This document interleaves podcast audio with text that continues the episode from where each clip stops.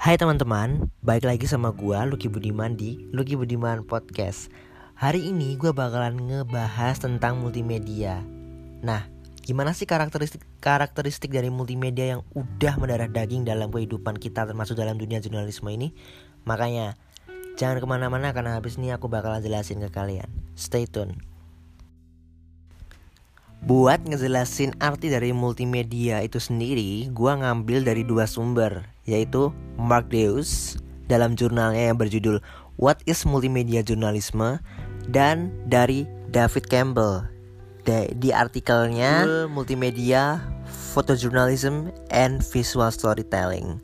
Nah, dari Mark Deus sendiri itu multimedia ada dua nih definisinya. Yang pertama adalah merupakan penyajian berita yang dibentuk dalam paket yang terdiri dari dua format atau lebih dan diterbitkan melalui website. Sedangkan definisi kedua, ya, multimedia itu adalah kesatuan berita yang disajikan melalui platform yang berbeda seperti website, surat elektronik, radio, televisi, majalah, dan koran. Nah, dari dua definisi tersebut, gue bisa menyimpulkan bahwa multimedia itu menyatukan segala format yang dulunya terpisah kayak gambar sendiri, tulisan sendiri, terus audio sendiri jadi satu sekarang. Sehingga muncul konsep konvergensi. Nah, konvergensi multimedia ini tidak hanya menyatu dalam formatnya aja, tapi aspek eksternalnya juga kayak pemasaran, promosi, penjualan, distribusi, hingga aktivitasnya dengan masyarakat. Nah, untuk memberikan gambaran tentang pemanfaatan penuh konvergensi multimedia, Magdeus sendiri memberikan lima contoh. Yang pertama adalah wartawan kini dapat mempresentasikan aspek-aspek beritanya di depan kamera yang kemudian disiarkan secara langsung dalam stasiun televisi. Contoh yang paling umum adalah ketika wartawan sedang menyiarkan tentang arus lalu lintas ketika lebaran. Di situ mereka menyiarkan berita secara langsung dengan keterangan-keterangan tambahan yang disiarkan secara langsung juga dan ditambahkan oleh teks-teks gitu. Kemudian contoh kedua adalah foto-foto yang diabadikan oleh fotografer atau jurnalis kini dapat ditayangkan melalui website perusahaan mereka daripada dicetak.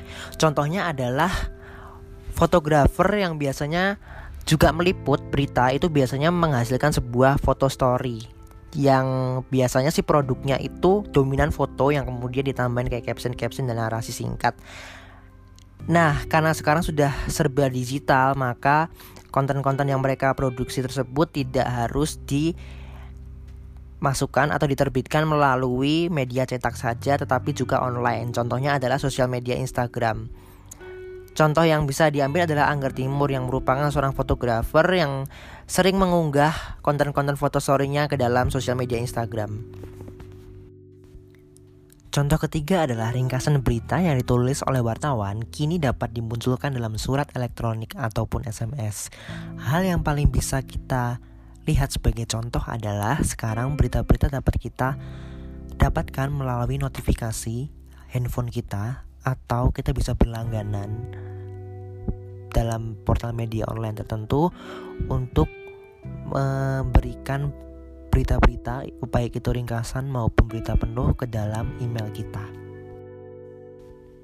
Contoh selanjutnya adalah media-media penyiaran dan percetakan kini dapat bergabung untuk mengerjakan suatu proyek di mana mereka dapat berkumpul untuk mengedit dan mempresentasikan berita mereka melalui berbagai format. Contoh yang paling nyata dan paling bisa kita pahami adalah Transmedia dan SM Entertainment Group yang mana merupakan perusahaan manajemen Korea, artis Korea paling besar melakukan kerjasama pada tanggal 21 Februari 2019. Dan contoh terakhir adalah berbagai karyawan yang bekerja dalam format cetak, penyiaran, dan online dapat bergabung untuk mengumpulkan informasi, menggali data-data, dan merencanakan penyebaran ke seluruh format media. Magdeus juga meringkas beberapa karakteristik institusional konvergensi multimedia. Ada empat, yaitu pertama adanya kerjasama antar organisasi media lainnya, baik ranah jurnalistik maupun non-jurnalistik, untuk menyediakan, mempromosikan, memperbaharui, dan bertukar berita. Yang kedua itu adanya pemasaran terpadu dan manajemen proyek yang dilakukan secara lintas media. Kemudian ada pengembangan strategi penelitian dan pengembangan Dan yang terakhir, adanya faktor konstektual terkait dengan undang-undang lokal maupun industri dan peraturan serikat pekerja. Selain Magdeus, multimedia juga didefinisikan oleh Davis Campbell. Dalam artikelnya yang berjudul Multimedia, Photojournalism and Visual Storytelling, Campbell mengatakan bahwa multimedia merupakan proses komunikasi antara gambar, suara, grafik, dan teks untuk memproduksi sebuah cerita. Campbell juga mengatakan bahwa multimedia itu sebenarnya berangkat dari fotografi, Perkembangan yang signifikan antara fotografi dan teknologi yang menyebabkan munculnya visual storytelling. Yang meskipun tidak membuat genre visual baru, visual storytelling ini membuka peluang bagi wartawan-wartawan yang sekaligus merangkap menjadi fotografer ataupun videografer untuk menunjukkan kemampuan menciptakan nilai estetika dalam produk jurnalistik mereka dan komitmen mereka dalam menulis naskah berita sehingga mereka dapat terbiasa melakukan aktivitas jurnalisme multimedia. Campbell mengatakan bahwa konvergensi itu nggak hanya berarti semuanya bergabung menjadi satu aja sih, tetapi lebih dari format gambar menjadi format paling utama dalam storytelling tersebut. Dan untuk menceritakan sebuah berita jurnalistik diperlukan format-format lain untuk mendukung cerita tersebut. Nah, kira-kira itu sih yang bisa gue sampein dan bagiin ke kalian-kalian tentang multimedia.